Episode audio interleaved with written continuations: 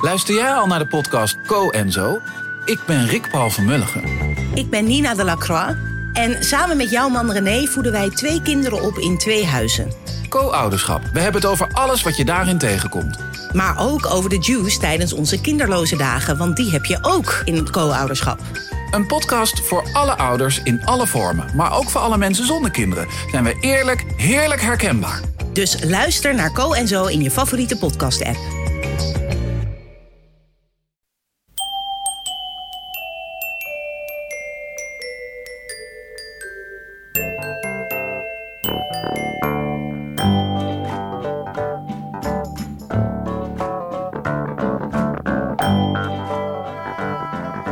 Welkom bij aflevering 220 van Echt Gebeurd, de podcast waarin waargebeurde verhalen worden verteld door de mensen die ze zelf hebben meegemaakt. In deze aflevering een verhaal dat Aaf Brand Korstius in januari 2014 alweer vertelde tijdens een verhalenmiddag met als thema Curriculum Vitae.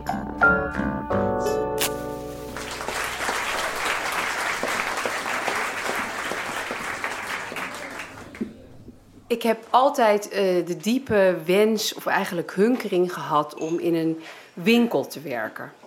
Ik weet eigenlijk niet precies hoe dat kwam, maar het zal wel iets te maken gehad hebben met het feit dat thuis mijn vader en mijn stiefmoeder ja, de dulste banen op aarde hadden. Uh, de een schreef thuis, de ander vertaalde thuis. Ze zaten elk op een werkkamer. Ze werkten maar een paar uur per dag verdienden daar waanzinnig veel geld mee, kwamen niet buiten, hadden geen collega's. Ik miste elke glamour in dit scenario. Dus richtte ik mijn liefdespijlen op de ja, dichtstbijzijnde winkel eigenlijk bij ons huis. En dat was uh, de Gebroeders Winter in de Beethovenstraat. Uh, ik was toen denk ik 16, uh, daar mocht je net gaan werken in een winkel. En ik had een baan als zaterdaghulp gekregen. Uh, waar ik ook heel blij mee was, omdat ik behalve dan dat ik de glamour van het winkelleven zo uh, zag, uh, ook gewoon geld nodig had. Want ja, zoals wel vaker in ehm, rijke, maar toch linkse gezinnen, kreeg ik ontzettend weinig zakgeld. ik had werkelijk niks te besteden. En ik wilde een Walkman van Sony. Nou, die kostte 120 gulden. daar had ik denk ik een jaar voor moeten sparen. En nu zou ik dat dus in drie zaterdagen, want ik kreeg 40 gulden per zaterdag, van ontzettend veel geld.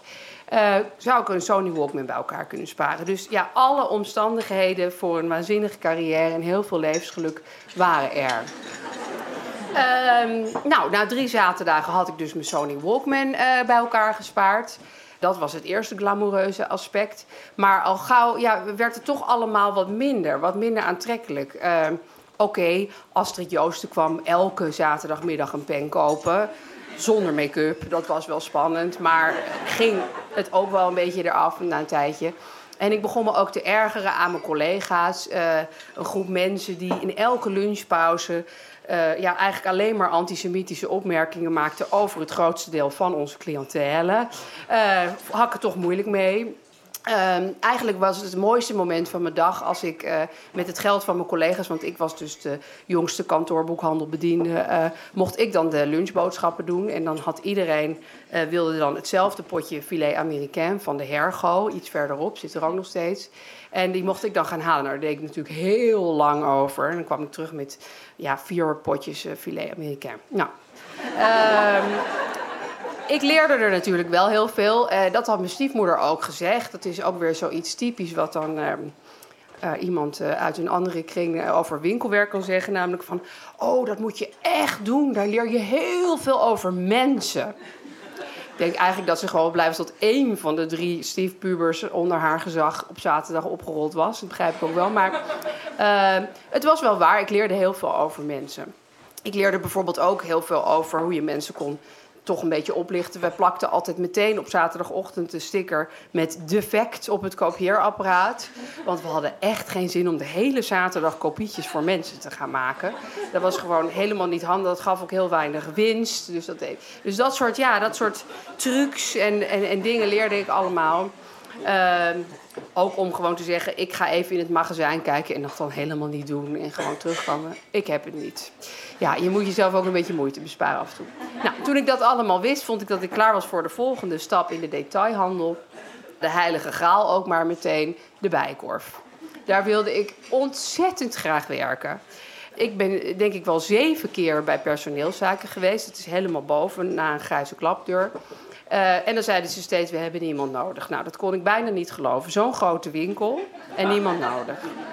Uh, ik begreep ook heus wel dat ik niet meteen een parfumsprayer op de parterre, over dat woord straks meer, uh, mocht worden. Maar ja, ze konden me toch wel ergens kwijt in die hele grote winkel. Maar goed, de achtste keer, ik zette gewoon door, ik ging gewoon elke maand opnieuw solliciteren, zeiden ze: Oh, nou, binnenkort. Um, uh, komt de zondagopening. Dat was toen iets waar het hele land ja, een jaar lang van op zijn kop stond of zo. Uh, dat er dan winkels op zondag open zouden gaan. En uh, het grappige was dan meteen, de winkels zouden dan van 12 tot 5 open zijn. En dan kreeg je ook nog dubbel betaald. Ja, ik, ik kon gewoon bijna niet geloven dat dit mij allemaal ten deel viel. ik kreeg dan dus voor 10 uur betaald, terwijl ik er maar 5 uur was. En dan mocht ik ook nog in de bijkorf werken. Nou, mooiste winkel op aarde. Dus ik heel gelukkig. Uh, ik begon op de kaarsenafdeling. En uh, na een tijdje uh, stroomde ik door naar de afdeling elektrische verlichting. Ik heb nooit begrepen of dat nou echt een promotie was. Of dat het gewoon toeval was. Maar goed, waarschijnlijk het laatste. Uh, wat mijn stiefmoeder had voorspeld was wel weer waar. Ik leerde er weer heel veel over de mens als soort.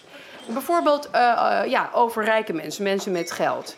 Die dingen af in winkels, zoals de Bijenkorf. Op producten waar niks mis mee is. En dat doen ze elke dag. Dat maak je daar elke dag mee. Nou, ik maak het elke zondag mee. Dan kwam er een heel chic echtpaar. Uh, en die vroegen dan naar mij: uh, wat kost die lamp? En dan zei ik uh, 3000 gulden bijvoorbeeld. Want ja, dat waren gewoon best wel dure lampen. En dan zei de man of vrouw van het echtpaar: zei dan, kan er wat af? Uh, ja, dat was een verrassende vraag. Want ja, er was niks mis met die lamp. Uh, het was geen uitverkoop. Het was geen dwaze dagen.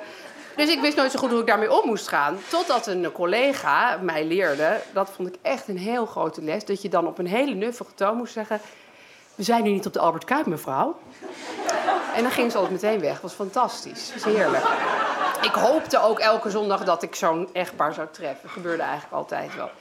Wat ik ook leerde, en dat was meer een van de eh, afdeling levenslessen, is dat het werk in de winkel heel erg verschrikkelijk zwaar is. Je denkt leuk, je staat achter zo'n toonbank, je pakt cadeautjes in, je speelt met de plakbanddispenser, dat is allemaal waar. Maar het is fysiek heel erg zwaar. Je moet de hele dag staan. Bij de bijkorf vinden ze dat om de een of andere reden heel belangrijk. Je moet alsmaar staan. En als ik dan even ging zitten bij de verlichting, had ik dus mijn eigen magazijn, had ik een krat en daar kon ik dan op gaan zitten. Maar dan kwam altijd, als bij donderslag, verscheen meteen mijn manager. Een doodenge man met zilveren golvend haar. En die zei dan: Je moet wel staan. Nou, ik begreep eigenlijk helemaal niet waarom, maar oké. Hij verscheen ook een keer achter me toen ik kaarsen in een kast aan het neerzetten was. Die had ik dan uit zo'n doos. En stond hij ook ineens achter. Zei hij: Je moet ze wel op de volgorde van de regenboog zetten. Oké, dat wist ik niet, sorry. Dus dat was mijn manager. Uh, en uiteindelijk leerde ik dan vooral heel veel over codes. Uh, want uh, dat vond ik eigenlijk het spannendste in de bijkorf. Je komt toch terecht in een bedrijf met ja, net zoveel tradities en regels en codes als een Engelse jongenskostschool. Uh, alles is daar ja, met, met, met, met geheime, ongeschreven regels. En die leer je dan uh, van het andere personeel, maar ook wel gewoon tijdens trainingen. Uh, bijvoorbeeld, als ik iets zie, bel ik 333. Nou, wat is dat? Dat is dus als je iets ziet, lees iemand die iets steelt. Dan ga je naar je telefoon die daar hangt en dan bel je 333 om diegene aan te geven. Nou, dat heb ik natuurlijk nooit gedaan. Dat is heel erg flauw om dat te doen. Uh, ik merkte ook dat mijn collega's dat nooit deden. Dus daarna, toen ik al niet meer bij de Bijenkorf werkte, heb ik ook nog heel veel gestolen. Want ik wist inmiddels wel hoe makkelijk mensen daarmee omgingen. Dus dat was als ik iets even ik 333. Uh, dan heb je ook nog de parterre. Je mag nooit begane grond zeggen, vraag me niet waarom, maar het is altijd parterre. Dus als iemand vraagt van, nou, waar kan ik de parfum vinden? Beetje domme vraag als je door die wolk bent binnengekomen, maar goed, zou kunnen dat je het niet wist. Uh, dan moet je zeggen, op de parterre. En als mensen dan zeggen, parterre, wat is dat? Dan moet je zeggen, begane grond. Dat is een beetje op dezelfde toon als je hebt gezegd, we zijn hier niet op de Albert Kuip, mevrouw.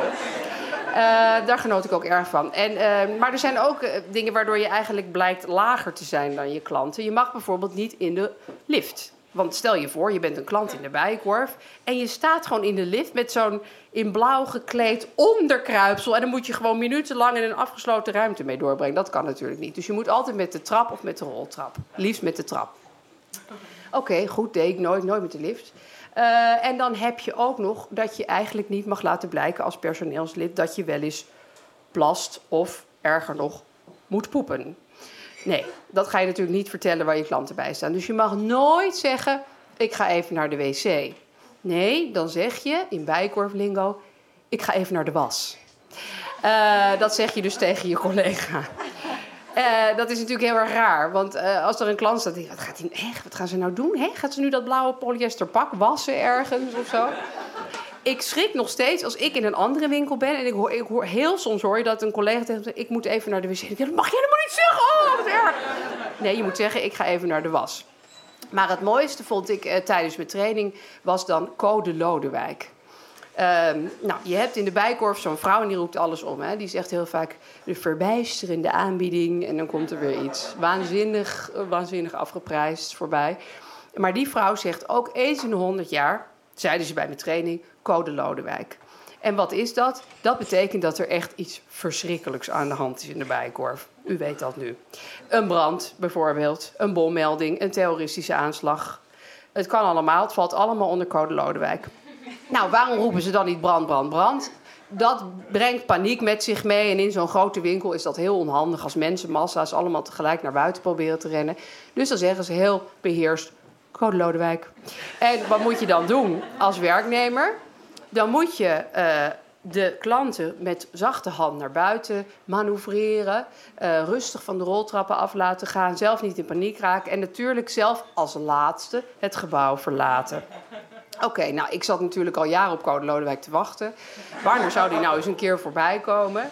En op een zondagmiddag stond ik aan dat plakbandapparaat te trekken, want dat is toch waarmee je de meeste uren van je tijd doorbrengt. En hoorde ik ineens, heel rustig, inderdaad zoals ze het hadden verteld, Code Lodewijk door de hele winkel gaan. En ik dacht, oh, dit is het dus. Dit is Code Lodewijk. En ik weet nu dat er iets heel ergs aan de hand is in de bijkorf, ik weet niet wat. Maar de klanten weten dat allemaal niet. En ik zag ze daar allemaal staan. De mensen die probeerden af te dingen op lampen. Uh, mensen die me al voor de vierde keer naar het magazijn hadden laten gaan voor toch een ander gloeilampje. En mijn manager zag ik ook verderop. Hij leek het helemaal niet gehoord te hebben. En ik dacht, ik moet nu mijn klanten met zachte hand de winkel uit begeleiden.